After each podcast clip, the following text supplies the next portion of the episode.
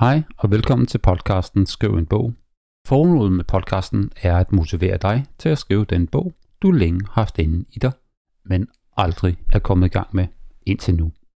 Eller måske den næste bog, hvis du allerede har udgivet en eller flere. Jeg vil med podcasten give dig viden og inspiration til, hvordan du går fra idé til færdigudgivet bog, og det sker ved, at jeg interviewer forfattere og andre inden for bogbranchen.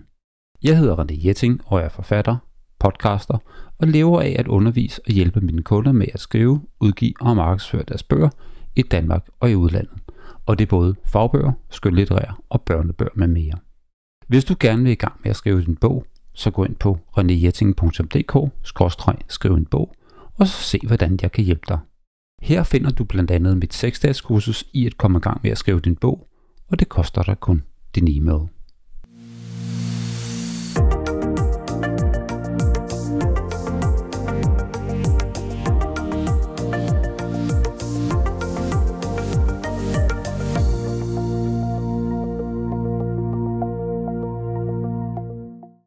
Nyt fra bogens verden. Her er lidt for årets rapport for bogpanelet, og de har til opgave at følge udviklingen på bogmarkedet i Danmark. Antallet af skønlitterære titler på dansk steg igen i år, men antallet af oversatte skønlitterære titler er derimod faldet. Og så udgives der flere trygte bøger end e-bøger, og det gælder både skønlitterær og faglitteratur. Covid-19 har ført til mere onlinehandel og salg af digitale formater i 2020, altså både lydbøger og e-bøger.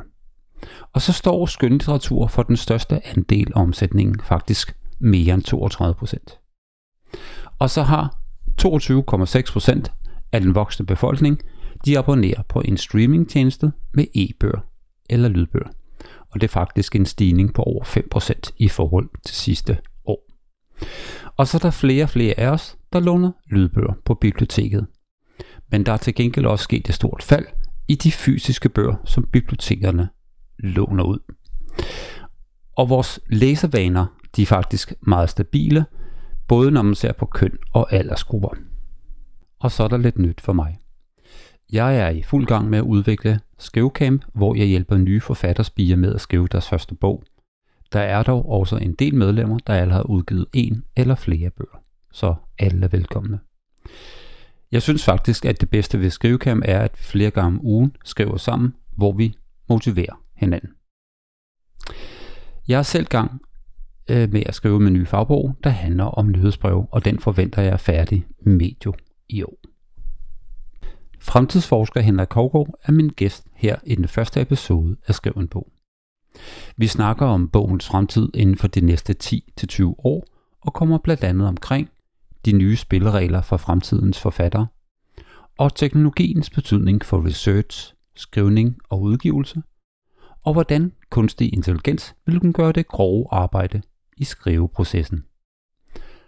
Også hvordan computerspils indvirkning på fremtidens bog, og hvordan de forskellige genrer, f.eks. børnebogen og fagbogen, vil befrugte hinanden og smelte sammen, og nye genrer opstår. Og meget mere. Er du nysgerrig på fremtidens forfatterskab og hvordan du kommer i gang med at skrive fremtidens bøger, så lyt med her.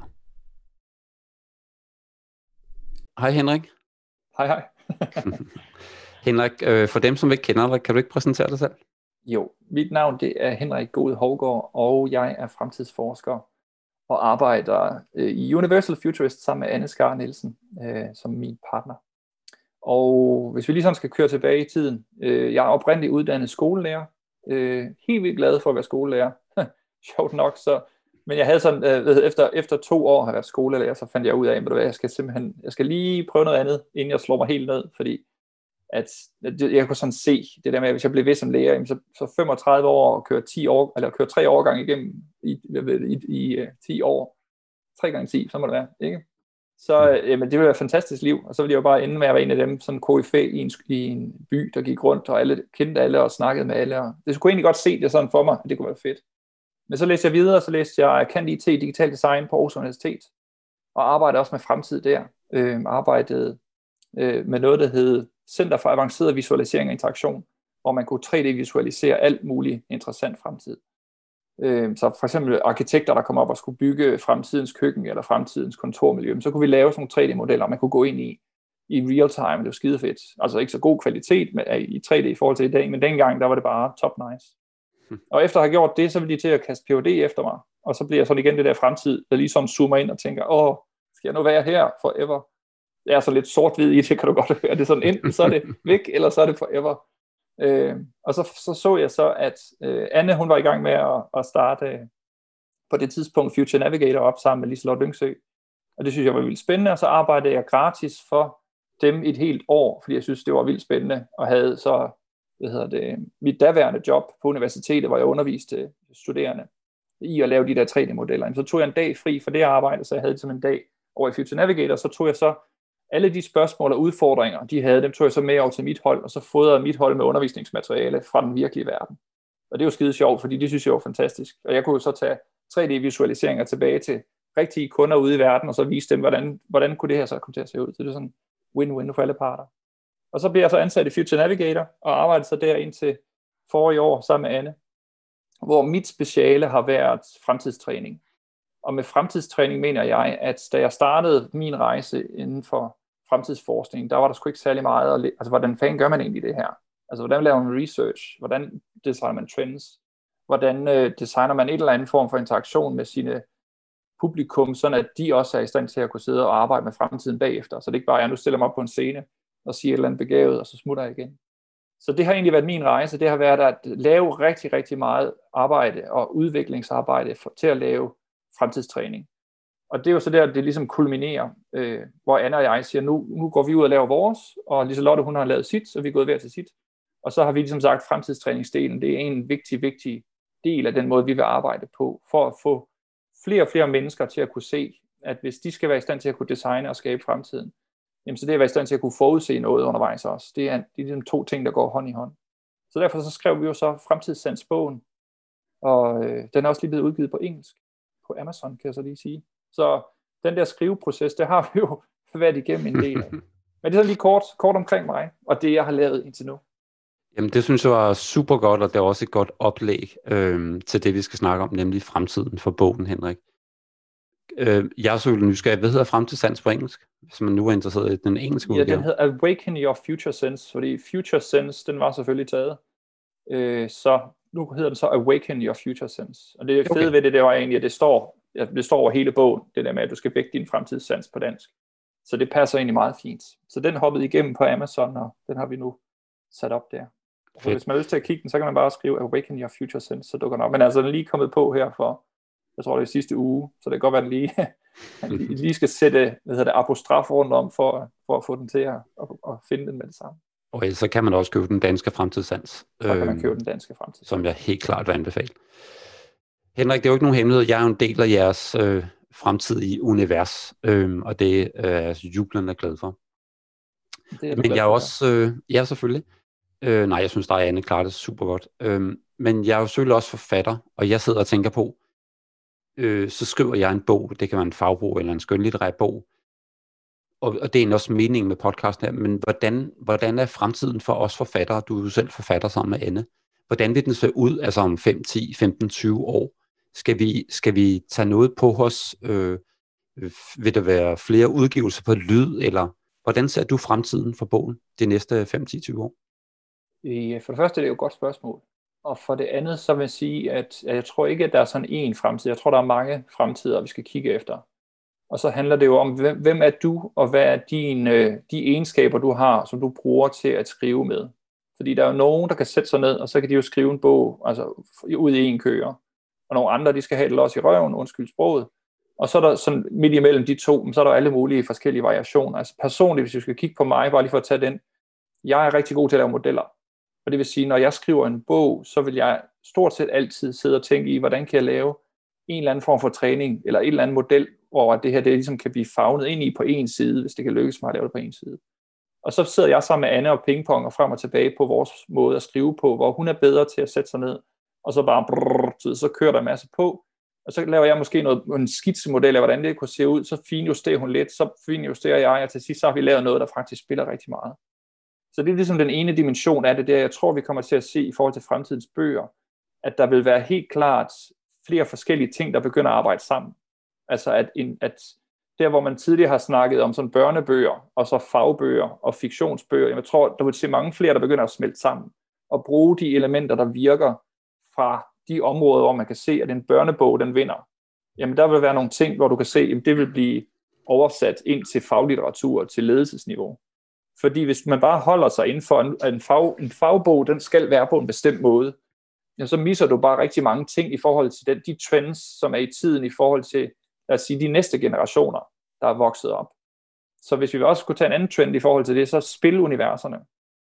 Spiluniverserne og boguniverserne, og den måde, hvorpå en, en, der sidder og læser bogen, oplever bogen på, og er medskaber af den på, der vil vi også komme til at se, jeg tror sådan, at hvis, jeg, hvis du kan huske svær, svær trolddom, svær trolddom bøgerne mm-hmm. fra gamle dage, for dem, der ikke lige ved, hvad jeg mener med det, så er det sådan nogle bøger, hvor man læser til, til side 68, og så står der tre variationer af historien, og så skal du så selv slå op på den side, du vil følge, og så, så kunne man i virkeligheden sidde og have sådan sin egen rejse igennem den her bog. Det var, jeg kan huske, da de kom, der var jeg helt op at køre, fordi jeg synes simpelthen, det var så fantastisk, det der med, at det ikke bare var, var en lineær rejse, men at, at der var flere variationer. Og det gjorde så også, at man læste jo bogen på alle mulige måder for at finde ud af, hvad ville der ske, hvis man nu tog en anden rejse igennem.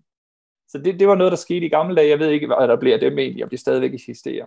Men hvis man så forestiller sig, på samme måde som du har ungdommen i dag, der sidder og medskaber i stort set alt, hvad de spiller af spil, jamen der er de jo en del af måden, hvorpå historien den bliver skabt. Og vi kigger på, hvordan bøger vil komme til, så, så vil der helt klart også være en trend omkring, at at den, der læser bogen, og dem, der er med til at designe bogen, altså der, der bliver også sådan et eller andet mix imellem de to. Og jeg tror, at spilindustrien vil komme til at helt klart have en meget stor indflydelse på, og på, de, på de nye typer bøger og bogoplevelser, der kommer. Hvordan det kommer til at se ud, kan jeg ikke sige helt præcist, men altså, den måde, hvorpå spil bliver designet, hvor man også kan se, at der er rigtig, rigtig mange måder, hvorpå man kan strukturere en eller anden rejse. Der er jo sådan nogle nogle online-universer, hvor du uden at skulle følge en bestemt, altså hvad skal man sige, historiefortælling ind i spillet, så kan du i princippet bare gå på opdagelse. Altså der er det, der hedder Red Dead Redemption, tror jeg det hedder, da det kom, fordi det var sådan et western-univers. Og der sagde folk, jamen det er jo, altså, vi kan jo bare rende rundt og lave lige, hvad vi har lyst til. Vi kan opføre os lige, som vi har lyst til. Du kan være bankrøver, hvis du har lyst til det, jamen, så gør du bare det. Altså det er bare det, det store slaraffenland. Så der tror jeg også, vi vil se sådan et mix, ikke at du ved, nu læser man en bog, og så er det bare sådan en stor fristil for hjernen. Men jeg tror, nogle af de elementer, det der med, at man kan se, at der bliver mulighed for at påvirke historien undervejs, det vil komme til at ske. Og så fra en forfatters perspektiv, altså der kan man også se, at der er nogen, der skriver en bog, og så bruger de jo det til at få input fra deres, øh, det vi kalder drømmegæster, altså deres kunder eller deres modtagere. Hvor man kan se, at hvis, hvis man skriver et oplæg med nogle udfordringer, eller et eller andet, man gerne vil høre om, så får man noget feedback tilbage fra dem så er der også flere og flere, man kan se flere og flere gode bøger, der er blevet skabt egentlig som sådan en synergi imellem forfattere og læserne, som så egentlig bliver sådan igen et mix imellem de forskellige, øh, hvad skal man sige, øh, rammer, eller de forskellige ansvar, hvad man skal kalde det, hvor, hvor det egentlig bliver mixet lidt mere sammen. Så det er bare sådan to forskellige trends, man kan kigge på i forhold til både oplevelsen, men også produktionen af, hvordan sådan en bog kommer til at se ud. Og så skal det også lige siges for dem, der nu sidder og lytter til mig, og sidder bare og tænker, og fy for den lede satan, kan jeg ikke bare få sådan en, og så sidde på en strand og hygge mig? Jo, altså, den fysiske bog, du ved, hvor den er printet ud, og man sidder med den i hånden, jeg tror aldrig, det går mod. Altså, jeg tror altid, at der vil være, selv om tusind år, så tror jeg stadigvæk, man vil se, her er en bog printet på noget papir. Det kan godt være, at det papir var så blevet lidt mere bæredygtigt den tid, men altså, den der med at sidde med en fysisk bog, det tror jeg aldrig går imod. Nej, der vil også give dig ret. Den har eksisteret i mere end 500 år nu, må, må den ikke den overlever både Facebook og alle de andre sociale medier jo, om 500 år, 1000 år. Øh, du var lidt inde på det, Henrik. Øh, jeg som forfatter, eller vi som forfatter, og, og de kære lyttere, som også er forfatterspiger, hvad skal vi tænke på lige nu og her, hvis vi gerne vil være en del af fremtidens bogunivers? Skal vi bare sætte os ned og skrive vores bog som så vanligt, eller skal vi tænke et andet element ind? Og i så fald, hvis vi skulle det, hvad skulle det så være? Og hvordan kunne vi gøre det? Jeg vil sige, at øh, altså det er også noget af det, vi underviser i, når vi, øh, vi kigger på, hvordan fremtidens øh, måde at udkomme på egentlig, hvad, hvad vil der ske? Altså den, den, det gamle måde at udkomme på, det er jo, at du sætter dig ned, du skriver din bog, så kan det være, at du trækker nogle folk ind for at få noget feedback, ligesom vi snakkede før i sådan en mikroformat. Men så, ellers så vil det jo være, at nu er den skrevet færdig, og nu skal vi så finde en eller anden, der vil udgive den, eller så kan jeg selv udgive den. og så håber vi ellers på, at det fungerer. Og så kan det være, at der er nogen, der er smart og siger, jamen, så laver jeg også noget markedsføring for den på den ene eller på den anden måde. Eller jeg får forladet til at markedsføre den for mig på den ene eller på den anden måde. Men uanset hvad den måde at arbejde på, det er jo sådan lidt, enten så går den, eller så går den ikke. Altså det er sgu sådan, altså man satser, og så håber man på det bedste. Og så er der selvfølgelig nogen, du ved, så går der 10 år, og så bliver den en kult bog, og så er man heldig den vej rundt. Hvis vi kigger på fremtidens spilleregler for udgivere, eller ikke for udgiver, for, for, øh, for forfattere, og i princippet også udgiver, fordi det er der, hvor igen tingene begynder sådan at smelte lidt sammen, så vil jeg helt klart anbefale, at man kigger på, at man udkommer så hurtigt som overhovedet muligt, med så lidt som overhovedet muligt. For igen at få testet af, for at finde ud af, hvem er det egentlig, jeg skriver den her bog til. Og fordi det er nemt at skrive en bog til sig selv, og så bliver det bare dig, der sidder og læser den, og så måske din mor, som synes, du er fantastisk. Men hvis du kan skrive en bog, hvor der er flere og flere, der får øjnene op for, at det her, du er ved at lave, det er faktisk rigtig spændende. Altså den rejse, vi er på nu, den kan jeg også følge jer med på. Og sådan, øh, en af de eksempler, vi bruger, det er jo The Martian, som sådan et godt eksempel på en bog, der er skrevet ud for de nye spilleregler. The Martian, det er også en film med Matt Damon, for dem, der kender den, med en øh, mand, som bliver, i virkeligheden, så er det sådan en Robinsonade på Mars, kan man sige. Og så, så handler den jo så om, hvordan han overlever på Mars. Det er en meget, meget kort udgave af det. Men den måde, han har skrevet bogen på, det er jo, at han har startet med, at han synes, det her det var vildt spændende. Så det er punkt et til at skrive en bog, det er jo næsten det samme som i dag. Det er, at du skal finde noget andet, du er passioneret om, noget, som du synes er fantastisk, noget, som er spændende. Og så begynder at stille spørgsmål inden for den rejse der. Og I hans tilfælde, han synes jo sådan noget med rumrejser og Mars, det er fandme spændende. Og så begynder han at sige, nu skal vi skrive en bog, der i virkeligheden er en Robinsonade om en, der er på Mars, men i det her tilfælde, så skal det være så realistisk som muligt. Og det er jo der i kanten, den kommer, det med at gøre det realistisk. Fordi så har han lige pludselig alle mulige mennesker rundt omkring i verden, som er eksperter inden for, hvordan man får lavet sine afføring om til, af, til, til afgrøder, skulle jeg til at sige, til, til gødning. Og så kan han sidde og snakke med nogen, der ved noget om det ekspertiseområde, og så trække det med tilbage til sin bog. Og så kan han lave et kapitel, og så kan han udkomme med det til de sociale medier, hvor han lige så stille og roligt begynder at få flere og flere folk på, som synes, det her det er fandme spændende, det er et projekt. De kan begynde at stille spørgsmål de kan begynde at lytte til, hvad han har lavet, og så igen komme med input til den rejse, han har på, i forhold til, kunne man så ikke lige stille det her spørgsmål, hvordan holder man nu varmen, hvis det bliver koldt? Og så er det jo så hans opgave at prøve at finde de personer, der ved noget om det, så han kan skrive det næste kapitel om det her. Fidusen i det her, det er jo, at han, han udkommer med meget lidt til en voksende gruppe af mennesker, som synes, det han laver, det er utrolig spændende. Og det vil sige, når bogen så endelig er færdig, så i stedet for, at du nu får håber på, at det bliver til noget, enten at du får den udgivet ved en forlag, eller du selv skal trykke den, og så håber jeg på, at nogen der gider at købe den. I det her tilfælde, jamen, så har han jo måske 20.000, der allerede køber den, inden den, er, inden den er solgt. Fordi de sidder bare og siger, nu kommer den, så skal jeg sgu også have den. Så den, den måde at arbejde på, man i virkeligheden vender det lidt på hovedet, og så siger man, du går efter at udkomme så hurtigt som muligt, og så går du efter at connecte bare til én person til at starte med. Og så ugen efter, jamen, så kan det være, at det er to personer. Og så ugen efter, så er det fire, og så fremdeles så har du meget bedre kort på hånden i forhold til din skriveproces, end hvad der tidligere er. Og en af de ting, en af de driver, en af de trends, der ligger nede under overfladen her, det er jo, det er jo muligt nu. Altså for 10-20 år siden, så var det, jeg sad og snakker om, det var fandme svært. Men i dag, der er der software til op over begge ører, og det meste af det er jo, hvis ikke gratis, så er det eddermame med billigt. Så, så den teknologiske mulighed for at kunne gøre det her er der. Og det er ikke noget problem. Nu her, det handler mere om at, at igen at træne nogle nye egenskaber og øve sig i det der med at kunne udkomme til der, hvor du tror, dem, der gerne vil læse din bog, de sidder og opholder sig, og så connecte med dem. Og er du i tvivl, så kan man jo sige, at der er Facebook og der er LinkedIn som sådan de to store, man kan sigte efter. Og så kan man sige, at hvis det er skønlitterært, jamen så start over i Facebook. Hvis det er faglitterært, så start over i LinkedIn, fordi det er jo sådan primært, hvad der man sådan, hvis man meget, meget karikerer det, kan sige, at der vil være nedslag her. Og så handler det jo bare om at connecte med dem, der er der, og sige, at det er fedt det her, kom du med over på min side, så samler du det hele på din egen side, eller hvor du nu gerne vil skrive, og så lægger du noget op med, med, med den slags mellemrum, hvor folk de sidder og forventer, nu kommer der noget nyt herfra. Fantastisk input, Henrik. Jeg sad lige og tænkte på, mens du, du sagde det, at øh, det første, jeg anbefaler til min kære forfattersvir, det er det der med, at den største del af at skrivebogen, inden du begynder at skrive det, er research-fasen. Så man kan jo godt sige, at, at den fase, du lige beskrev, det er jo egentlig research-fasen, hvor du egentlig kontakter med læsere og andre eksperter og øh, mennesker, der ved noget om det, du nu skriver om hvor man ligesom deler oplysninger, og så samler du dem egentlig bare sammen, og får en eller anden form for manuskript ud af det, kan man sige, på en eller anden måde. Ikke? Ja, du bliver jo sådan en, en kurator, kan man sige, at du skal se det som. Det, det vigtige i den der rejse, det er jo bare, at du selv synes, det er skide spændende.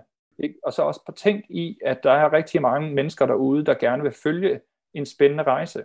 Altså, i vores community derovre, vi bruger jo tit den der, øh, hvad hedder det, rejsen mod fjerne kyster, som sådan et eksempel på, jamen hvis man, hvis man skulle kigge efter, at processen er færdig, nu er bogen færdig, og det er det, vi når hen til, og det er det, der ligesom er dit mål, når du skal skrive en bog, så tror jeg, at 9 ud af 10, det vil komme til at brænde nallerne på det. Og det må du gerne citere mig for også at sige. I gammeldags spilleregler, hvis, hvis dit mål det er at skrive en bog, så kommer 9 ud af 10 til at brænde nallerne på den. Det vi plejer at sige, det er, hvis vi siger, at der er, bjerg, eller der er bjergbestigning, og der er at stå på toppen af bjerget, så er det lidt den samme metafor, jeg bruger her. Det er, hvis, hvis dit mål det er at stå op på toppen af bjerget, det er i gåsøjne, det er nu, du har udgivet din bog. Hvis det er det, du sigter efter, så forestil dig, nu står du på toppen af bjerget, og hvad så? Ikke? Altså, hurra. Men hvis du i stedet for siger, at det er bjergbestigningen, jeg skal forelske mig i, det at komme op af bjerget, der er virkeligheden, det er den rejse der, der kommer til at være fantastisk. Det er det, jeg i virkeligheden skal øve mig i at blive god til. Fordi så kan du blive ved og ved og ved og ved med at udgive og udkomme og, og i virkeligheden producere fantastisk materiale. Og det, derfor var lige vendt tilbage til det der med turen mod fjerne kyster. Det, der sker i, eller undskyld, er det rejsen mod fjerne kyster, nu kan jeg huske, hvad den hedder. Kursen mod fjerne kyster. Kursen mod fjerne kyster, undskyld. Mm. der sidder der sikkert nogen derude og ryster på hovedet. Fred nu være med det. Men den her fantastiske serie, den har jo heller ikke et mål, der hedder, nu skal vi stå på toppen af bjerget, som i deres tilfælde, så er nu vi tilbage i København, og så står vi på kajen, og så siger vi hurra. Det er jo faktisk det kedeligste afsnit, det var jo, da de nåede hjem. Det er jo, hvad der sker derude, hvor man bare er med til at følge med på den der rejse, og man synes, hold nu fast, altså, nu er de i en eller anden øh, sted i Sydamerika og går ind, og så, så er det jo egentlig bare en dokumentar, man sidder og følger, men fordi de karakterer, som man oplever i den her tv-serie, er fantastiske, så vil man gerne følge med på det. Fordi man kunne sagtens lave det samme, og så bare have nogle personer med, hvor man siger, ah, at det interesserer mig ikke, de keder mig, og dem, dem gider jeg ikke følge.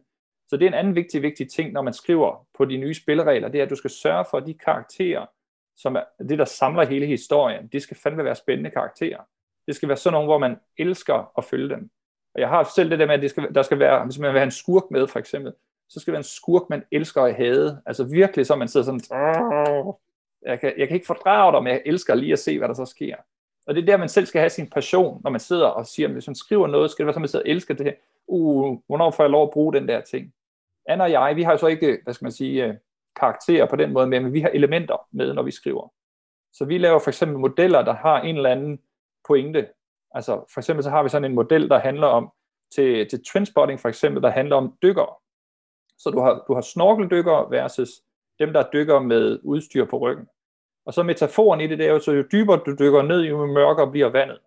Og så har du en pandelampe på, men jo dybere du kommer ned, jo mindre kan du så se dernede. Så det svarer til inden for research, så er det jo en specialist. Altså specialisterne, de går dybt ned et sted, dykker ned, og så har de inden for deres egen niche. Det betyder så også, at en dykker i princippet kan ligge, du har seks dykker, der ligger lige ved siden af hinanden, men fordi at det er så mørkt, så kan de ikke se hinanden.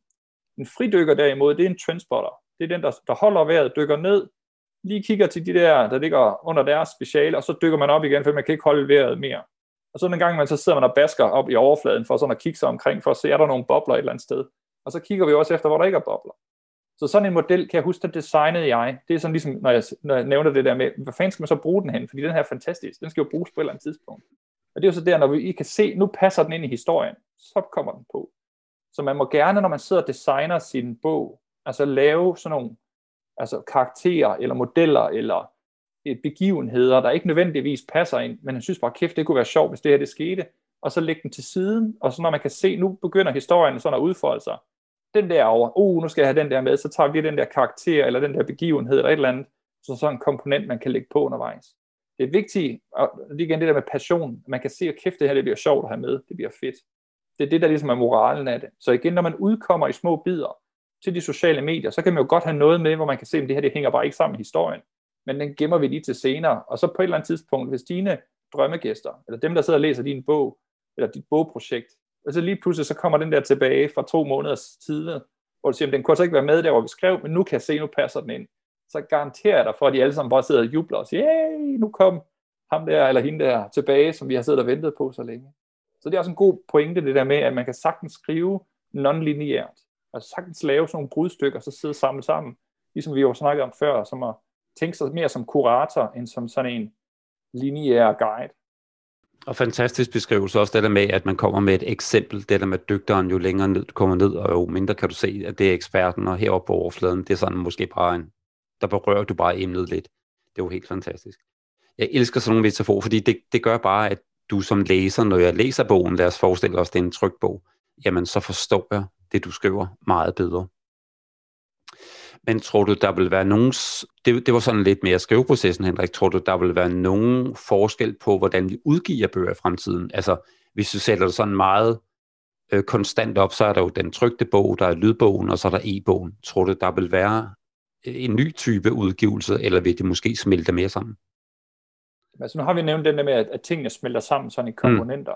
Mm. Øh, hvis vi skal kigge på, hvad der kommer øh, i forhold til, til selve bogen, altså sige, som jeg siger, jeg tror, der kommer flere sådan nuancer, ligesom vi har business books, så tror jeg, du kommer til at se sådan nogle træningsjournaler, som nu siger, vi tager det bedste fra børnebogen, og så smelter vi den sammen med en ledelsesbog, som jo sådan to helt ude på hver sin side. Så tror jeg, du vil se, at der vil komme sådan nogle, nogle bøger, hvor du måske har den tunge del af det læst, og så har du træningsdelen bagefter. Altså lad os nu sige, at du læser Blue Ocean Strategy, jeg ved ikke, om du kender den bog, men Blue Ocean Strategy er jo fantastisk. Men hvis du skal træne den som en egenskab, så kommer du lidt til kort. Og så er der selvfølgelig nogen, der har sagt, så laver vi en hel verden ud af det. Så jeg tror, du vil se, at der er sådan nogle, ligesom jeg kan huske, der var FN, der lavede en kæmpe stor bog, og der var ingen, der gad læse den. Så var der en eller anden medarbejder, der lavede den som pixie-bog. Og så ville alle sammen lige pludselig læse den. Så jeg tror, vi vil komme til at se sådan nogle bøger, der, der laver en spin-off af sig selv i form af, at nu, nu til et bestemt publikum, hvor den er meget mere skræddersyet præcis til, hvorfor er det relevant for dem her. Så hvis, hvis, I, hvis du kender Chicken Soup for the Soul, kender du den bog? Ja.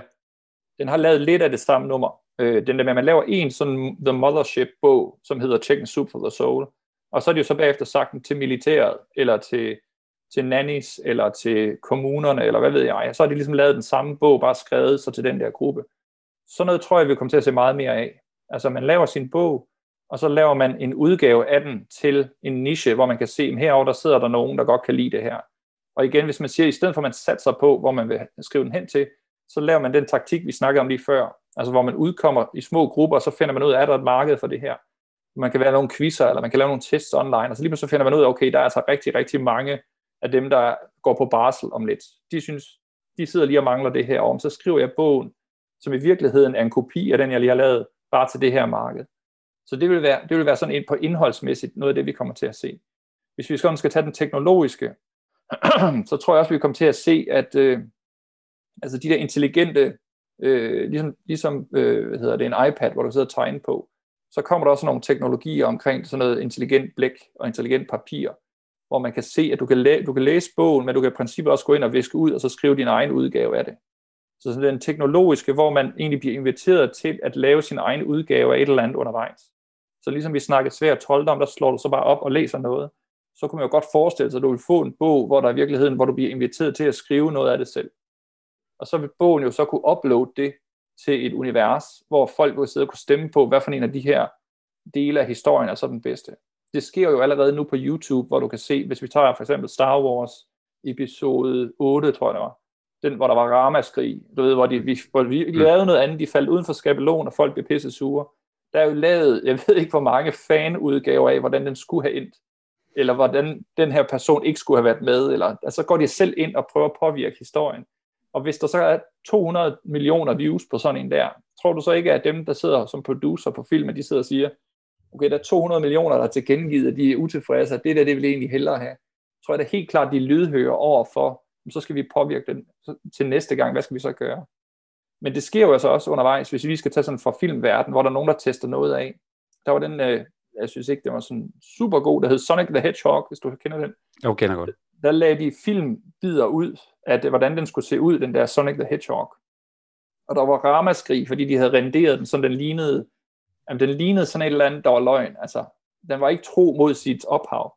Og så, så var der ramaskrig, og folk sagde, det kunne man fandme ikke finde ud af at gøre ordentligt. Og så lavede de så en ny udgave, hvor de gik tilbage i virkeligheden. Ikke så mange detaljer på. Nu så den så lidt mere tegneserieagtig ud, og så hu, kunne man se, okay, pøbelen har ret, nu, nu er vi nået det der, hvor vi gerne vil hen. Så sådan nogle ting, hvor man spiller sammen med sit publikum, for igen at få rettet ind efter, hvad er det egentlig, der kunne være den fede måde at designe den her på. Det vil helt klart også være, altså det er både teknologisk muligt, hvordan man så lige snitter den, altså hvordan man får bygget den der historie sammen, det kan jeg så ikke sige nu, for det er ikke sket endnu. Men, men jeg tror helt klart på, at vi vil se nogen, der begynder at eksperimentere med det, netop fordi også dem, der sidder og spiller spil, vil, vil se det som helt naturligt, at man bliver medskaber af en historie, og man kommer til at være med i sådan et stort netværk af folk, der i virkeligheden sidder og designer lad os nu sige, det var øh, en ny Ringens Herre afsnit, man skulle sidde. Altså i stedet for, at der er en gruppe, der sidder og skriver, eller en person, der skriver dem, så er det sådan et helt netværk af folk, der sidder med til at designe sådan en her. Sådan noget vil komme til at ske også, tror jeg. Jeg synes, det lyder fantastisk spændende, at man faktisk udgiver en bog, men som man ikke er færdig, men som hele tiden bliver udviklet, fordi at læserne kommunikerer sammen på en eller anden måde, på en eller anden platform. Ja, det er jo, det er jo sådan en demokratisk øh, proces i virkeligheden, på godt og ondt, ikke? fordi der vil også være nogen, der siger, jamen det er jo dejligt, at man, at bliver, altså man bare får en, du ved, der er en eller anden god forfatter, han har skrevet en bog, og så var det det. Men de der crowdsourced, eller det hedder ikke rigtigt, hvad hedder det, gruppestyret, jeg tror ikke engang, der findes begreb for det, jeg sidder og snakker om her nu, men altså sådan nogle gruppeprojekter, hvor man sidder og arbejder sammen, og mm. uddelegerer, og tester af, og finder ud af, hvad der virker bedst, og stemmer på det internt, laver forskellige udgaver af den, tror jeg helt klart på kommer til at være rigtig, rigtig sjovt at føde med i. Og du var også lidt inde på det, den med kunstig intelligens, fordi det var også et af mine noter øh, til det, vi skulle snakke om. Jeg har hørt om et projekt, hvor man faktisk øh, tager e-bøger, som allerede er udgivet, og så får man øh, altså kunstig intelligens AI til at oplæse bogen på flere forskellige sprog. Det vil sige, det er ikke en, et menneske, der læser bogen, men det er faktisk lydbøger fremstillet af kunstig intelligens, altså sådan en kunstig stemme. Og de bliver bedre, bedre, bedre, bedre. Faktisk kan man, øh, kan man købe de første bøger nu, nu som, som er talt ind af en robot, kan man vel sige på en eller anden måde. Det er jo også en eller anden form for intelligens, øh, noget teknologi. Hvor, hvor, hvor, hvor tror du, vi kommer hen, Henrik? Altså hvis vi snakker måske lidt længere ud i fremtiden. Altså med kunstig du... intelligens for eksempel? Ja, og så det der med, at det er robotter, der indtaler lydbøger, eller noget helt tredje måske, øh, i forhold til de ting, vi har snakket om. Ja, altså man kan sige, de kunstig intelligens, hvis vi skal tage sådan et eksempel fra kunstig intelligens, som er relevant i det her, så er der jo forskellige typer. De har alle sammen et navn, så kan de noget meget specifikt. Der er jo nogen, der kan skrive, øh, altså, øh, altså lave journalistik i forhold til sport for eksempel, hvor når man tester det af på, altså de skal egentlig bare sidde og beskrive en kamp i fodbold for eksempel, versus at der sidder mennesker og har skrevet den, så testede de det for at se, kunne de spotte, hvem der var kunstig intelligens, hvem der var menneske, og jeg mener, det var noget i retning af 85 procent, der ikke kunne finde ud af, hvem der var hvem, fordi det var så tæt på hinanden. Så det er jo klart, at hvis man har en eller anden historie, og man siger, nu skal jeg bare have produceret en, en hurtig historie, det skal gå mega hurtigt, så vil en kunstig intelligens jo være lynende hurtig til at kunne lave en 250 siders bog, hvis man har lyst til det, som er skrevet ud fra nogle bestemte retningslinjer. Så hvis I forestiller, der er jo de der, øh, fan var det hed i gamle dage, sådan noget meget, meget, meget sød suppe, kærlighed med noget, du ved, hvor der står sådan en mand med et svær og en rose, og det, det hedder sikkert et eller andet specielt, den der genre. Og, og så bliver det jo produceret i et væk, altså det er jo sådan den samme historie, der gentager sig sådan lidt, lidt halvkedeligt, men der er nogle, altså nogle mødre, der sidder derhjemme og keder sig, og synes, det der er det jo mest fantastiske på ever. Så hvis man nu siger, at det har vi bare lyst til at masse producere og få flere forskellige udgaver, så vil en kunstig intelligens jo kunne producere enorme mængder bøger på ingen tid, fordi den i princippet bare gennemløber sådan sin algoritme i forhold til, hvad den skal udkomme med. Så det er sådan, hvad, hvad den ene side af det der med, hvad vi kan forestille os, der sker, øh, hvis kunstig intelligens kommer på banen. Så plejer vi også at sige, at kunstig intelligens kan tage alt det arbejde, der er det hårde, så vi kan sidde og lave, eller den kan tage det grove, så vi kan lave det sjove, skal passe på, at jeg sige det forkert. Det grove arbejde, det er jo det, vi ikke gider. Og det sjove arbejde, det er der, hvor vi sidder og skaber værdi. Så i mit tilfælde, for eksempel, hvis jeg nu havde en kunstig intelligens bot, der kunne sidde og skrive for mig, som jeg sagde før, det der med bare sådan sidde og skrive løs, jeg kan godt, det er ikke der, hvor jeg får den største optur. Jeg får meget mere optur af at sidde og lave altså modellerne, og så sidde sådan og få det viklet ind i, hvordan vi kan få de der ting til at hænge sammen. Så der kunne jeg jo sidde og lave sådan en model, og så sige, jamen nu sidder jeg bare og læser op til min kunstig intelligens. Kan vi ikke lige se, om vi kan få det her vinklet ind i den? Og så skriver den simpelthen bare ned til mig, brrr, hvordan den forestiller sig, det kunne være. Det kan være, at jeg siger, at jeg skal have 10 forskellige udgaver af det. Så laver den 10 forskellige udgaver, og det kan være, at de skruer lidt på, den ene, den skal være, du ved, den skal være sjov, og den anden, den skal være meget, meget faktuel. Og så skal der være noget, der skal være meget kristen, eller hvad ved jeg. Og så laver den sådan nogle udgaver, hvor jeg så bagefter sidder og sådan kigger igennem og ser, hvad synes jeg egentlig er fedt. Så vil den have lavet det grove arbejde for mig, og så kan jeg sidde og, være, og lave det sjove, altså det, hvor jeg med mit filter for verden, og det, jeg synes er fedt, kan sidde og vælge ud, hvordan det kommer til at være. Så hvis vi spoler den lidt længere fremad, så vil det også betyde, at rigtig mange flere forfattere vil komme til verden fordi det bliver meget, meget, meget nemmere at lave en bog, hvis man har lyst til det. Ligesom der findes, øh, der findes jo sådan nogle musik AI'er, som kan komponere musik for dig, så længe du har lydører. Så hvis, du, hvis, hvis ikke du kan høre, at det lyder godt, så vil det, der kommer ud af det, også være noget hø. Men hvis du har lydører, og bare kan sidde og lytte til, hvordan der er fedt, men du kan ikke finde ud af at spille klaver eller noget som helst, Men det du kan høre, der kommer ud af det, det, det er du rigtig, rigtig god til. Så findes der jo software nu med kunstig intelligens, der kan sidde og lave alt det der, hvor du i princippet bare skal sidde og guide den i, hvad kommer til at være godt. Personligt, mit, det blev sådan lidt øh, Miami Vice på panfløjte. Det lød simpelthen forfærdeligt. Men jeg har siddet og øve, prøvet at øve mig i det der, og jeg kan jo se, men dem, dem der fanger det fra en tidlig alder, og sidder og leger med sådan nogle ting der, hvis du har et mega godt lydøre, eller lad os sige med, med et bog, et, et sans for, hvad en god bog den er, så kan du jo også udgive en frygtelig masse bøger fremadrettet, hvis de her teknologier, de kommer. Og det vil jeg skyde på, hvis vi snakker om engang, altså 5-10 år ude i fremtiden, så er det helt sikkert, at sådan noget som det her, det kommer. Jeg tror endda, det kommer tidligere. Så det vil sige, det kommer jo til at skubbe på, at der kommer til at blive lavet rigtig mange, både fede bøger, men der kommer sikkert også utrolig, utrolig mange bøger, hvor man så skal sidde og navigere efter, hvad man så gerne have, som så spiller tilbage til igen til at sige, hvis du har et godt navn, hvis du slår dig fast på, jamen de bøger, som er kurateret igennem Henrik God Hovgaard, der er nogen, der siger, altså alt det andet, det er sgu ligeglad med, men når han laver et eller andet, så ved jeg, så har der nogle bestemte ting, der ligesom opfylder. Og så køber jeg på grund af hans navn. Jamen vil det så sige, Henrik, at, eller jeg var lige bange for, at du vil sige, at min fremtid som forfatter, den vil være væk. Men det jeg egentlig vil være, det er, at jeg vil nok øh, være kurator og smagsdommer. Både ja. for teksten, men også musikkens verden. Men hvor vi måske får, øh, hvor vi får teknikken til at hjælpe os med at fremstille det, vi gerne vil lave og udkomme med. Er det korrekt? Fuldstændig. Jamen, du kan ja. bare tage, du kan bare prøve, prøve at tage videoredigering, så for eksempel. Videoredigering i dag, der kan min barn på syv år, hun kan sidde på sin iPad og lave noget, som jeg, altså hvis jeg har haft den mulighed, da jeg gik på universitetet, jeg var jo gået helt bananas, altså fordi der sad vi jo på noget udstyr, der kostede 20 millioner, for at kunne lave det, hun kan lave på en iPad i dag. Og, og det er jo bare det, man skal huske på, når man sidder sådan og tænker inden for sin egen niche. Altså så prøv at kigge tilbage, og så ser der noget, der har ændret sig. Altså sådan radikalt, og nogle ting, der har ændret sig. Og inden for for eksempel videoredigering, der er noget, der har, altså det er jo, det er jo blevet så meget billigere, blevet så meget nemmere. Du sidder lige nu med noget, der ligner et eller andet fra et, et radio setup, ikke? Og det er jo igen, så nu er vi nede i en priskalasse, hvor det ikke er noget, man, man behøver at dø af, at skulle investere i de der forskellige ting. Så kan man måske sige, nu har jeg et studie setup, som i virkeligheden svarer til, hvad, hvad vil være super godt for 10-20 år siden, og det har måske koster dig 10.000 kroner eller noget den stil, eller måske endda mindre. Så inden for, det samme inden for bøger, altså de der med at kigge efter, hvad er det for nogle ting, der har været i gamle dage, hvor man kan sige, der var den begrænsende faktor, det var tid eller disciplin. Og så kigge på, jamen kommer der nogle nye trends eller nogle teknologier, der kan hjælpe os med det her. Og som sagt, kunstig intelligens, der kan lave det der, man ikke selv gider at lave, det er her allerede. Det kommer drøner derud af. Så er det igen spørgsmålet som at sige, jamen, hvis den kan masse producere en masse forskellige ting, hvad bliver min rolle så? Altså, hvad er det, jeg skal gøre? Jeg sagde det lidt som bilindustrien, det der med, at du er designer, og du sidder og designer bilen, men du sender så tegningerne videre til robotten, der er ude i maskinhallen, og ud af porten kommer der så en færdig bil. Øhm. Ja, det ville være sådan den, den meget, meget sådan lidt firkantede måde at sige det på. Det er rigtigt. Men hvis du så tænker ude i maskinhallen, så er der noget, der går hurtigt, og så vil der være noget, der går langsomt. Og langsomt, det er jo der, hvor vi tjekker, spiller det her nu. Og det er der, hvor fingerspidsen kan fylde. Altså dem, dem som er dygtige håndværkere, de vil jo sidde og lave alt der, hvor, hvor robotterne kommer til kort. Og selvfølgelig kan man så sige, så designer vi alle arbejdsgangene, så robotterne kan det hele. Men stadigvæk vil der være nogen, der sidder og siger, det der med, at man lige går ind og tjekker, at det hele det spiller. Vi er jo ikke gået fuld automation endnu, altså hvor vi har 100% tillid til alt. Der er jo stadigvæk mennesker i denne verden, som sidder og siger, jeg skulle godt lide, at lige også et menneske, der har været med ind og kigge på, hvordan det der det er blevet bygget op.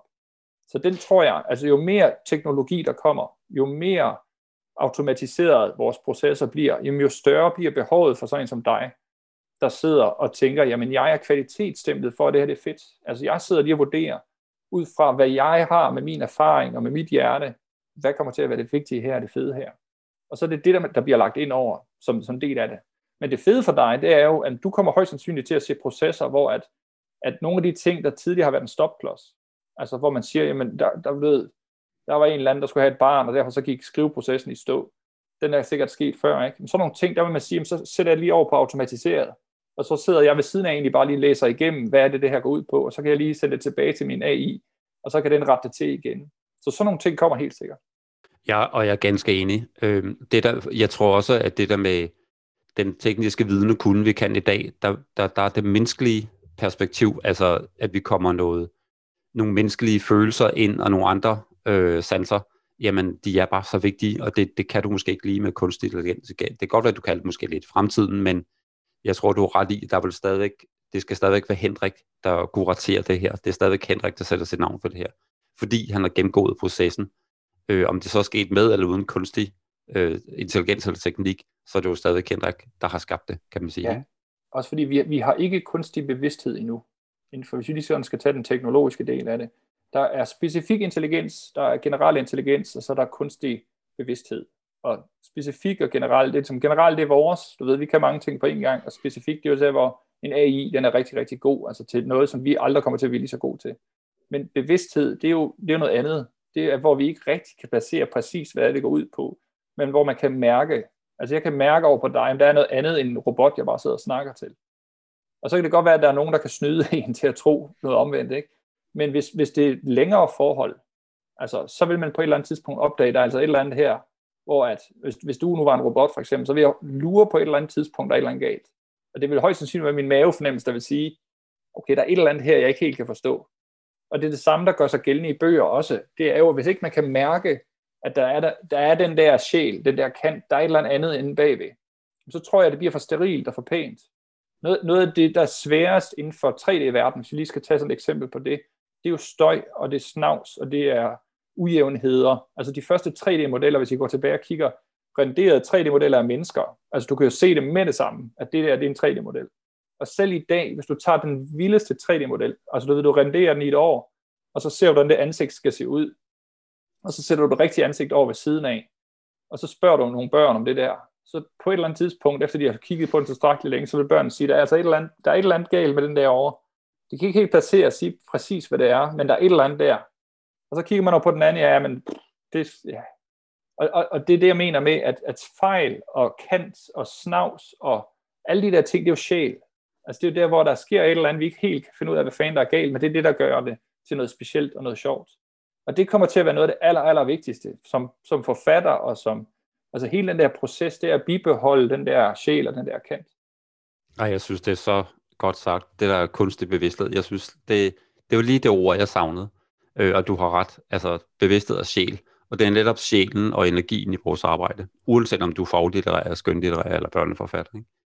Ja. Øh, man skal kunne mærke, at du skal kunne læse imellem linjerne, kan man sige, også som lydbog selvfølgelig eller noget andet vi var lidt inde på det for lidt tid siden, men, men lige nu her, der er jeg jo bare forfatter. Jeg skriver, jeg laver lydbøger, eller jeg laver en e-bog. Men, men hvis du skulle give godt tips, Henrik, hvordan, når jeg måske det, som du, vi startede med at snakke om, som jeg synes er en mega god idé, man skal lige ud og afprøve sit emne. Er der, øhm, er der stemning for det her, jeg skriver om, eller jeg skal lige teste noget? For uden måske at lige skrive en LinkedIn-artikel, øh, som jeg ved, du godt kan lide, men er der så andre måder, man ligesom kan teste sit stof på? kan jo bruge sit netværk. Altså LinkedIn er jo et netværk, det er derfor, jeg ligesom siger, at ja. den er oplagt til det. Men du kan jo, du kan jo starte med at sige, jamen, hvem, hvem, vil være, hvem vil det her være interessant, interessant for af dem, du kender? Og de fleste mennesker har jo en eller anden, de kender, eller nogle relationer. Og så vil det jo være der, man bare kan starte med at tage det hen. Altså at sige, vi har et begreb inden for vores verden, der hedder body, body teams. Det vil sige, når vi laver en eller anden form for proces, eller skal udvikle et eller andet, så få noget feedback tilbage rimelig hurtigt. Altså lad være med at begynde at lave det for pænt, få noget feedback på, holder det her eller holder det her ikke.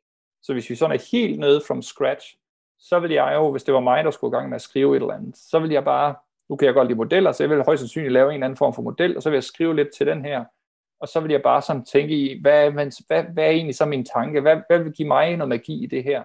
Og det må gerne være noget crap. Det kan godt være, at det ikke engang er titel, eller disposition, eller indholdsfortegnelse, eller du ved, der, det er sådan lidt noget rod, og så vil jeg tage den, og så vil jeg måske, nu, kan jeg, nu sidder vi jo i coronatid, så der må ikke mødes med så mange mennesker, så vil jeg lægge den ind og så lave sådan et, øh, en video, hvor jeg lige gennemgår, hvad er tankerne i det her. Og så vil jeg tænke, okay, hvem kunne give mig noget feedback på det der i mit netværk? Hvem er der nogle venner eller noget familie? Måske ikke bruge din mor. Fordi mor, hun er alt for sød. Altså hun vil jo bare sige, nej, hvor er du dygtig. Og det kan vi ikke bruge til noget. Altså det skal jo være, nu skal vi lige have en anden. Så jeg vil måske tænke, okay René, René, han vil sikkert godt lige bruge 10 minutter på at lige kigge på det der, og så fortælle mig, hvad det er.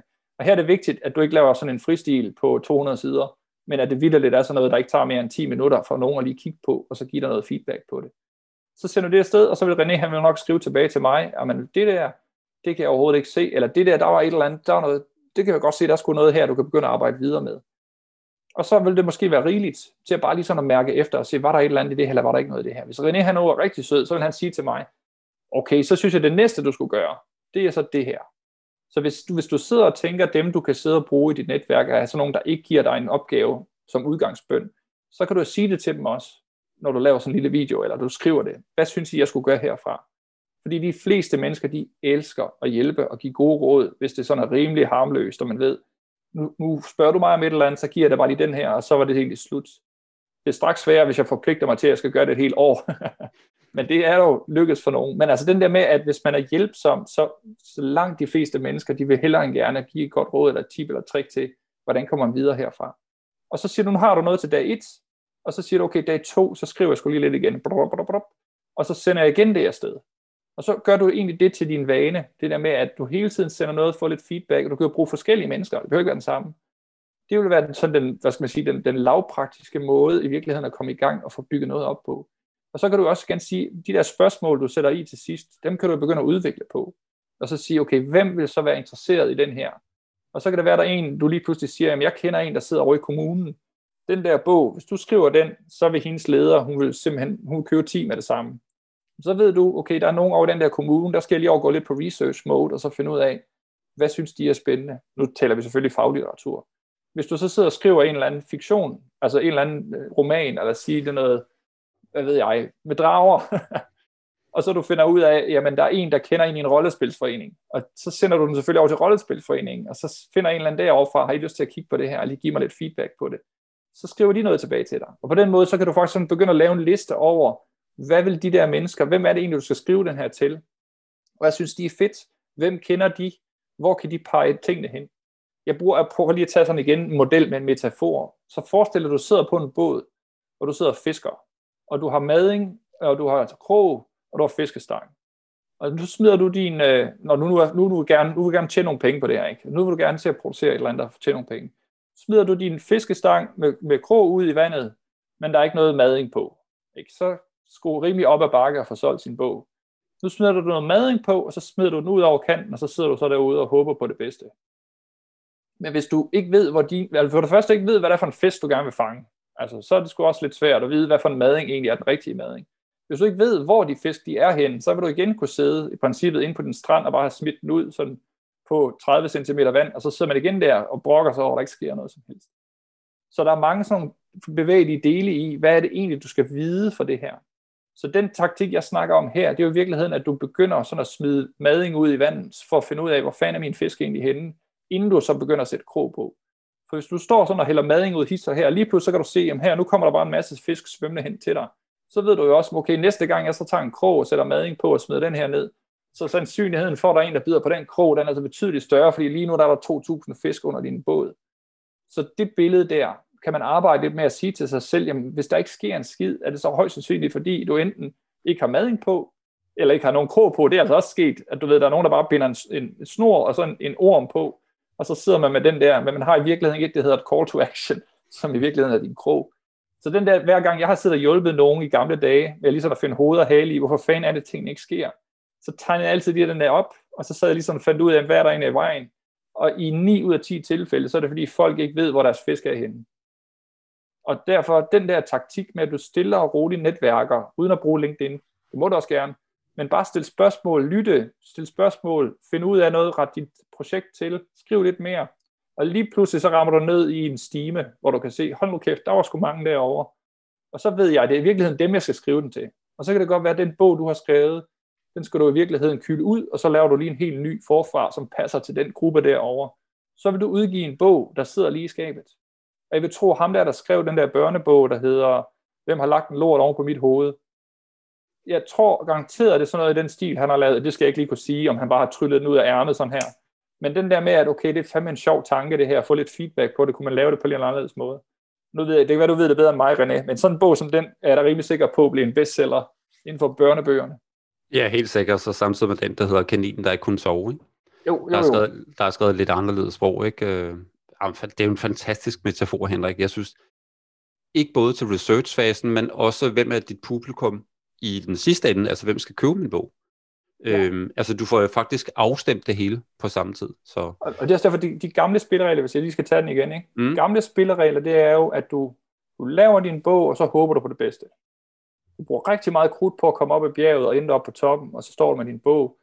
Hvor at den anden model, det handler jo om at forelske sig i processen, fordi man synes, det er skide sjovt. Og så den vej rundt, så får du dit publikum, fordi det er dem, du connecter med under hele rejsen. Ej, det er fantastisk. Og det er jo lige præcis det, vi godt kan lide at gå fra, hvad det vil sige, tribal til planetary. ja, ja. Jamen, det er jo det. Men det er også derfor, at man skal også lige bare præcis. forstå, at der er mange spørgsmål, der rejser sig. Mm. Og at det er svært. Det er okay. Men det der med at hele tiden at være nysgerrig, tænk, altså man er i tvivl om, hvad man skal lave, så få en body, og body op, og stille nogle spørgsmål den vej rundt, hjælp hinanden.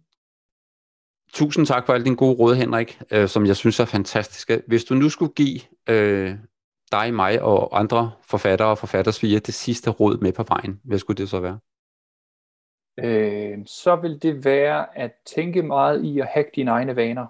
Fordi at skrive en bog, øh, udkomme, lære nye egenskaber, alt det vi har siddet og snakket om her, i sidste ende, så er det dig, der er ansvarlig for det.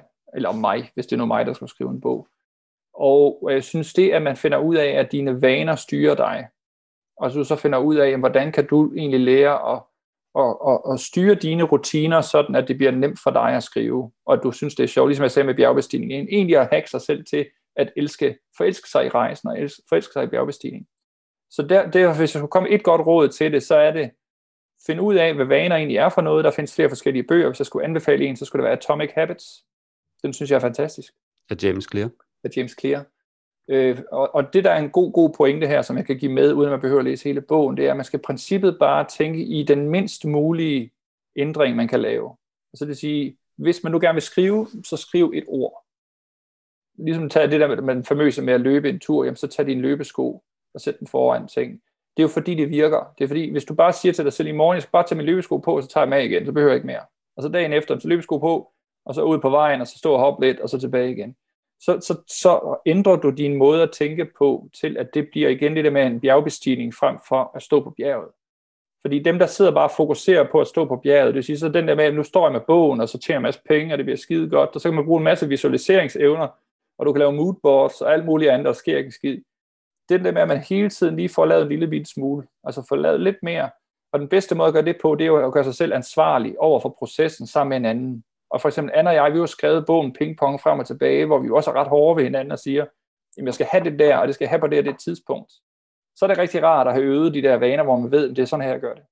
Og så en lille aller sidste ting, det er det, der hedder en kickstarter-vane, som jeg selv gør rigtig meget ud af. Og det er fordi, i vores univers, der har vi også en masse skurke med, og de her skurke, eller det hedder dæmoner egentlig, de prøver ligesom at fuck det op for dig. Og en af dem, den hedder viskelederet. Og viskelederet er famøs god til at slette din hukommelse, når du står op om morgenen, så har du glemt rigtig meget af det, du i virkeligheden har sat dig for. Så hvis I har oplevet den der déjà vu, du ved, hvor man sidder og tænker, jeg har sgu da siddet og lavet det der en gang før, så er det fordi, den der lede skurk eller dæmon, den har været inde og så slette din, din hukommelse, så at sige. I kan læse bogen, hvis I vil vide mere om det. Pointen her det er sådan set bare, at man skal, man skal finde en vane, man gør hver morgen, som kickstarter de andre vaner. Og den bedste, jeg kan give jer, det er tandtråd. Fordi, når du så, fordi de fleste børster tænder om morgenen, når man så børster tænder, så vil man se, der ligger tandtråd ved siden af, og så siger man til sig selv, okay, så skal jeg sgu også bruge tandtråd. Og hvis du kan bruge tandtråd en hel uge, så kan du skrive en bog. Hvis du finder ud af, at du har, du har en hel uge, og du har gjort det tre gange, så kan du muligvis skrive en bog. Hvis du kun gør det én gang, så garanterer jeg dig, at du kommer aldrig til at skrive en bog. Fordi det er, det samme, det er det samme rutiner, du skal kunne aktivere, den samme disciplin, der skal aktiveres. Disclaimer, medmindre der kommer en AI og gør det for dig, som vi har siddet og snakket om. Men de der ting der, så øv dig i, inden du begynder at skrive en bog, så bare sig, at du skal have en sammenlagt syv dage i træk, hvor du bruger tandtråd. Og når du har gjort det, så må du gå i gang med at skrive. Ej, det er fantastisk. Det er simpelthen guldkorn, du kommer med, Henrik. Tusind, tusind tak. Øhm, der er en masse både til min egen forfatterspiger og alle andre lyttere, som også gerne vil være forfatterspiger. Så tusind tak, fordi du var med, Henrik. Velbekomme. Men jeg tænker på, at der er måske nogen, der godt vil læse øh, Fremtidssandsbogen. Den kan de selvfølgelig købe hos boghandlen og alle de andre internetboghandlere. Den hedder Fremtidssands. Men hvis de godt vil lære dig nærmere at kende, Henrik, hvor kan de så støde på dig hen online? De kan gå ind på vores hjemmeside på universalfuturist.com eller .dk, der er jeg. Og ellers så er jeg på LinkedIn og på Facebook også. Det er jo bare at skrive mit navn, så dukker jeg op der. Super. Jamen, øh, tusind tak, fordi du var med, Henrik. Velkommen. Ja, det var min snak med Henrik, hvor vi fik et indblik i fremtiden. Jeg tror, at fremtidens forfattere vil give bogen sjæl.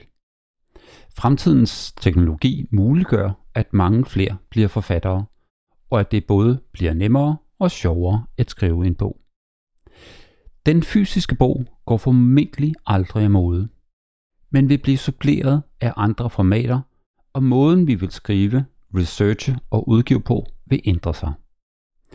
Behovet for gode forfattere vil imidlertid bestå, for forfatteren vil så fortsat være den, der sikrer bogens kvalitet og giver den kant og sjæl. Er du nysgerrig på fremtidens forfatterskab og hvordan du kommer i gang med at skrive fremtidens bøger, så se dine muligheder ved at gå ind på renéjetting.dk-skriv en bog. Det var så slutningen på den første episode af Skriv en bog, og jeg håber, du har nydt det. Husk, at du kan abonnere på podcasten, så er du sikker på at få besked, når der er en ny episode. Det gør du ved at trykke på abonner på den podcast-app, hvor du hører podcast på. Tak for din tid, og tak fordi du lyttede med, og have en god skrivelyst.